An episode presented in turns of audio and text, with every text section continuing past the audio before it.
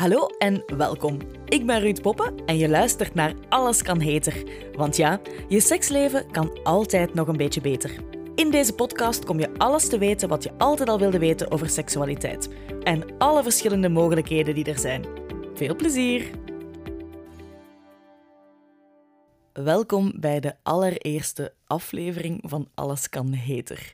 Het is eh, een beetje spannend voor mij uh, om zo helemaal alleen voor een microfoon te zitten en uh, te, te praten, tegen mezelf eigenlijk, maar ook wel echt heel erg tegen jou.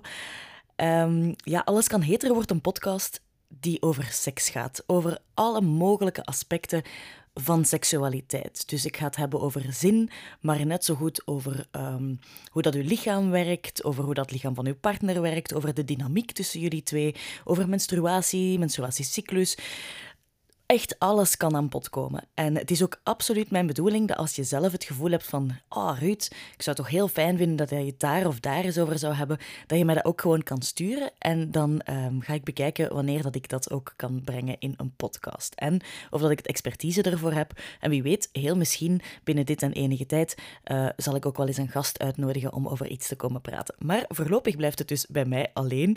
Want ja, als ik daarover nadenk, ik praat eigenlijk ook gewoon wel heel erg graag. Dus dus uh, voilà, bij deze een podcast waar ik zoveel mag praten als ik zelf wil.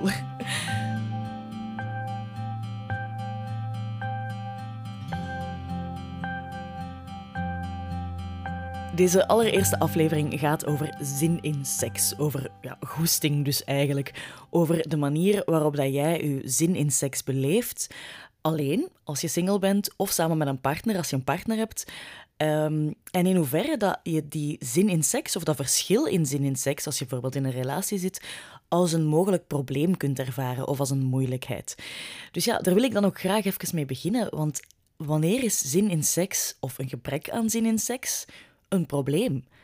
Is dat als je alleen bent en het gevoel hebt van, goh, ik heb eigenlijk niet zo super vaak zin in seks. Ik zou wel vaker um, met mezelf kunnen spelen of bezig zijn, maar ik heb die behoefte niet dan is er eigenlijk niet echt een probleem. Of dan zien we dat niet als een probleemsituatie. Terwijl als we het gaan hebben over in een partnerrelatie, en je hebt bijvoorbeeld een partner bij wie de zin in seks een pak hoger is dan bij jou, dan wordt de persoon die minder zin ervaart gezien als het probleem. Dus ook in mijn praktijk, ik heb ook een praktijk, ik coach ook mensen waar ik ook ga begeleiden. En bijvoorbeeld ook rond zin in seks, dat thema komt heel veel aan bod. En daar valt het toch wel op dat het meestal de persoon is die een, een gebrek aan zin ervaart, gebrek aan spontane zin, daar gaan we zo meteen verder op doorgaan, dat die persoon degene is die meestal tot bij mij komt. Dus heel zelden zie je eigenlijk de persoon met een overdreven zin in seks of met een grotere zin in seks. Het gaat niet altijd over overdreven natuurlijk, tot bij mij komen. We zien de persoon die um, ja, die zoiets heeft van, ja, is dat wel normaal dat ik eigenlijk niet zo gemakkelijk zin heb uit mezelf? En daarvoor is het heel belangrijk om meteen uit te leggen dat er verschillende vormen van zin bestaan. En wij zien in onze maatschappij zin in seks als iets dat spontaan moet komen. Er zijn ook mensen die spontaan zin hebben in seks. Dus die denken aan seks of er passeert iets, die krijgen een prikkel binnen en die zijn eigenlijk direct klaar om seks te hebben. De mensen die zo spontaan zin in seks ervaren, dat is zeker niet de overgrote meerderheid van de bevolking. Je hebt dat misschien wel ervaren op het moment dat je elkaar net leert kennen en dat je verliefd bent en dan is alles spannend en dan gaat dat wel vanzelf, want de hormonen gieren door je lijf. Maar heel vaak op het moment dat je elkaar al een tijdje kent, of als je single bent, als je bijvoorbeeld het heel druk hebt of je ervaart stress of wat dan ook, dan valt die spontane zin in seks eigenlijk weg. En de meeste mensen die zijn responsief als het op hun zin in seks aankomt. En wat wil dat zeggen? Dat wil eigenlijk zeggen dat je gaat reageren op als iemand anders een initiatief geeft. Of als je bijvoorbeeld iets ziet op tv of leest in een boek of je krijgt een seksuele prikkel binnen, dan gaat je, uw hoofd en uw lijf zoiets hebben van, ah oh ja, goh ja, misschien wil ik daar wel iets mee, misschien kan ik daar wel iets mee, misschien um, wil ik me daar wel voor openstellen om effectief met dat gevoel iets te gaan doen. En dat is iets helemaal anders dan hoe dat wij dat op dit moment zien als normaal. Dus die spontane zin in seks, die er eigenlijk direct is en die persoon die ook redelijk direct klaar staat om erin te vliegen, om eraan te beginnen.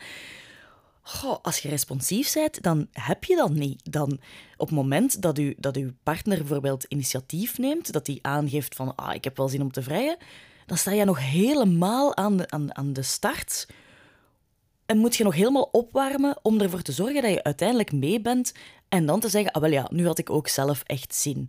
Dus in dit geval, in dit verhaal, zoals ik het nu vertel, dan zie je eigenlijk ook dat de persoon die, um, die responsief is, dus die reageert op de andere persoon, dat die niet gemakkelijk zelf initiatief gaat nemen. Dat die niet gemakkelijk zelf zoiets gaat hebben van, amai, ik heb ongelooflijk veel zin in seks, we gaan ervoor, ik ben al volledig opgewarmd, dus let's go. Uh, die situatie die is voor veel mensen gewoon onbestaande. Zeker als je een tijdje in een relatie zit, dan heb je dat niet meer zo spontaan vanuit jezelf. En dan heb je echt gewoon de tijd nodig om te kunnen opbouwen naar nu heb ik er zin in en nu wil ik ervoor gaan. Dat is ook een klein beetje tricky, want wat ik nu eigenlijk zeg is ook dat je niet altijd vanuit jezelf instant het gevoel moet hebben van yes, ik heb zin in seks, we gaan ervoor. Soms is dat ook een, oh wel ja, we kunnen het wel proberen, ik ga me er misschien wel voor kunnen openstellen, laten we het uitproberen.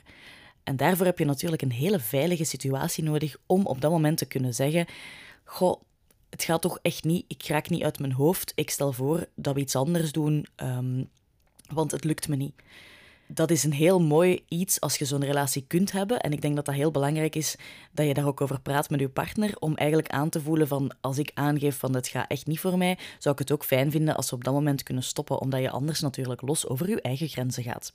Dat is een verhaal voor een andere keer, want anders ga ik het veel te ver brengen. Maar dat je eigenlijk wel heel goed weet van ja, spontane zin en responsieve zin zijn twee totaal verschillende dingen. En het is heel normaal als ik het ene ervaar of het andere.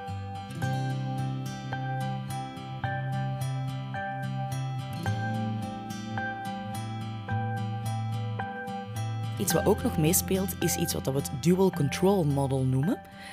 En dat is eigenlijk iets wat er voortdurend gaande is in uw brein. En dat is niet alleen van toepassing op seks, maar wel een heel mooi, ene als je begrijpt hoe dat, dat werkt, begrijp je ook heel goed hoe dat het komt dat uw zin soms zo gemakkelijk ontwikkelt en soms echt wel heel veel tijd nodig heeft om, om er te zijn, om het zo te zeggen. En wat er gebeurt in je hoofd is eigenlijk, je hebt aan de ene kant een rem en aan de andere kant een gaspedaal. En ik ga beginnen met uw gaspedaal, want dat vind ik het makkelijkst om uit te leggen. Uw gaspedaal, dat is um, uw trigger die eigenlijk alles ziet wat dat ook maar mogelijkerwijs te maken kan hebben met seks. Dus alle mogelijke dingen en prikkels die je binnenkrijgt, uw ene kant van je brein, je gaspedaal, gaat op dat moment zeggen: Oeh, fantastisch, we gaan ervoor. Dat wil ik, dit wil ik. Ehm, eh, bijvoorbeeld, ja, je ziet iemand passeren en je denkt: Oeh, dat is wel een knappe, uh, daar kan ik wel iets mee. En uw andere kant van uw brein, uw rem, die gaat bij alles wat dat uw gaspedaal binnenkrijgt, eigenlijk dat proberen te counteren. En alle mogelijke manieren zien en mogelijke redenen zien waarom dat je toch maar er niet voor zou gaan. Dus bijvoorbeeld, uh, nee, allee, dat is iemand die we totaal niet kennen. Dat gaan we toch niet doen. We gaan toch niet een one-night stand doen. Dat is gevaarlijk. Uh, we moeten morgen vroeg op. We kunnen dat nu niet maken. Um, in de context van bijvoorbeeld, je hebt al een lange relatie, kan het zijn dat uw partner bijvoorbeeld initiatief neemt en dat uw, uw gaspedaal op alle vlakken gaat zeggen: Oh ja, we vinden die persoon aantrekkelijk, ik vind dat leuk, we gaan er proberen voor te gaan. En uw rem gaat eigenlijk op alle mogelijke dingen denken van ja, maar nee, het is al te laat s'avonds.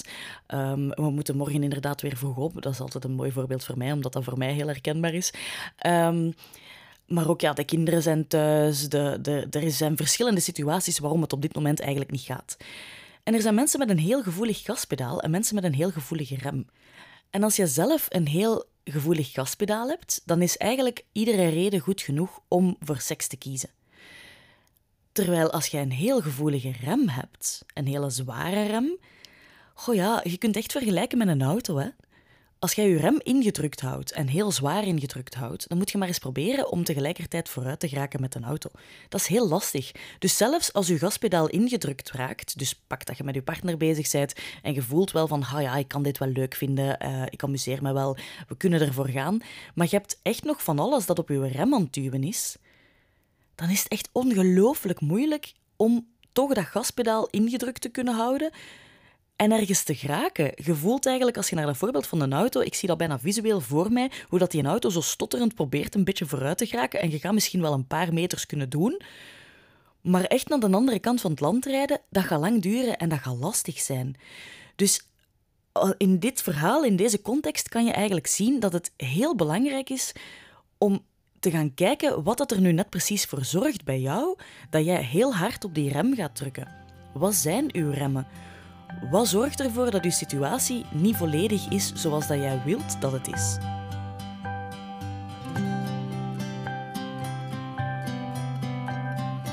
En dan komen we eigenlijk nog bij een derde puntje.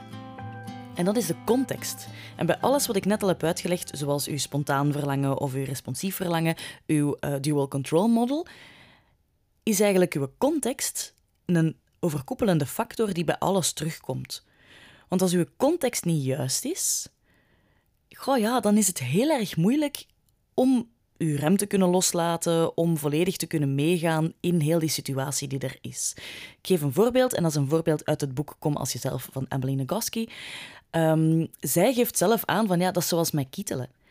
Als jij je heel goed voelt en je partner of iemand anders die je leuk vindt komt u kietelen, dan is dat grappig en dan is dat plezant. Maar zet je aan het haasten om op tijd ergens te geraken, of je zet een afwas aan het doen, of weet ik veel wat voor andere context, en iemand komt je op dat moment kietelen, dan gaat je daar misschien een beetje boos van worden. Want dan heb je zoiets van, ja zeg, deze is echt een fout moment, ik ben mij hier super hard aan het haasten, laat me gerust. En zo ziet je dat iets wat je eigenlijk wel leuk kunt vinden, iets wat dat plezant is, iets waar dat je je goed bij voelt, in een andere context ook volledig fout kan aanvoelen. Het is natuurlijk belangrijk dat je voor jezelf leert welke context dat voor jou ideaal is.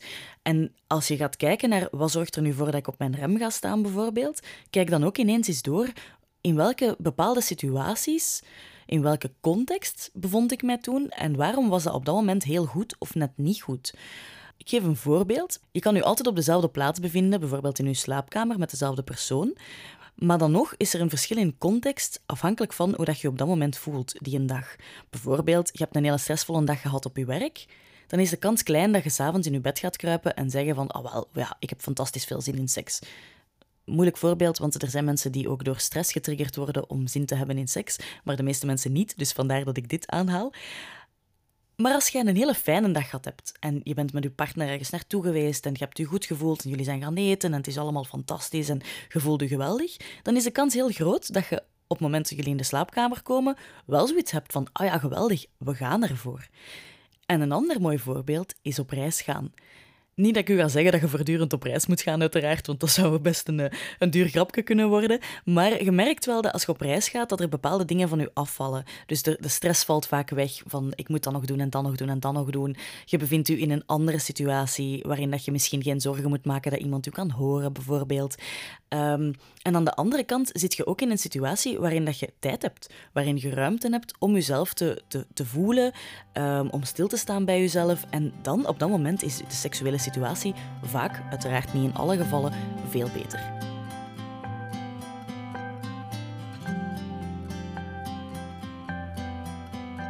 Dus wat kunt je nu gaan doen om eigenlijk bij jezelf te gaan ontdekken uh, hoe dat uw zin werkt, hoe dat het komt dat je soms geremd bent in zin en seksualiteit, dat is bij al die stappen een keer stilstaan en te denken, ben ik eigenlijk responsief of ben ik spontaan in zin in seks?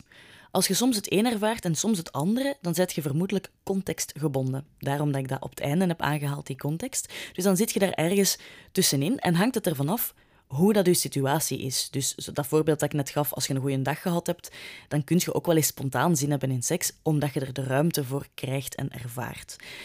En dan heb je nog het dual control model, waarbij ik u echt kan aanraden om een keer op een blad papier aan de ene kant een lijstje te maken met dit is alles wat aan mijn gaspedaal doet intrappen en aan de andere kant een lijstje te maken met dit is alles wat mij op mijn rem doet gaan staan. En maak daar ook een lijst van die je kunt blijven aanvullen. Dus als je op een bepaald moment ervaart van oeh, deze, is, dat werkt echt niet voor mij, dit zorgt ervoor dat ik heel hard op mijn rem trap, schrijf dat er dan ook bij op. Dus doe dat op je computer of zo, dat er geen lijst door je huis blijft slingeren. Maar dat je af en toe nog eens opnieuw kunt terugkijken. En ook kunt gaan zien, heb ik nu voor mezelf manieren gevonden om die remmen te gaan counteren en om die gaspedalen beter te kunnen laten indrukken.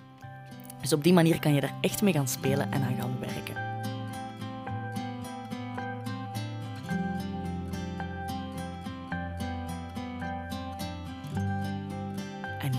Uiteraard is dat iets waarvoor dat je ook bij mij terecht kan.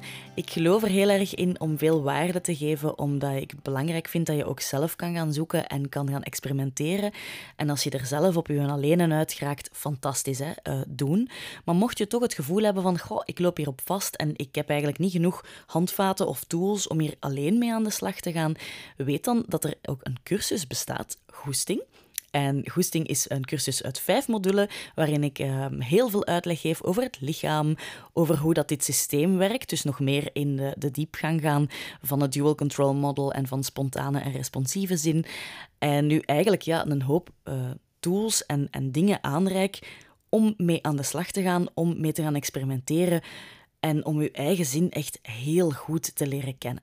En Goesting start opnieuw op 3 mei, dus je kan je inschrijven ervoor. En um, we starten dus op 3 mei met de eerste live Zoom-sessie. Je krijgt in totaal vijf live sessies erbij, uh, die je achteraf ook kan herbekijken. Dus als je je niet op je gemak voelt om erbij te zijn, geen probleem. Al raad ik wel aan om er wel bij te zijn, om dan net dat samen zijn met anderen en te zien hoe dat andere mensen daarop reageren, verhalen die gaan komen van andere mensen. Je hoeft zelf niet te praten als je dat niet wil, maar dat zorgt ervoor dat je heel veel herkenning ervaart. En dat gaat u echt helpen om in een nog sneller tempo te groeien.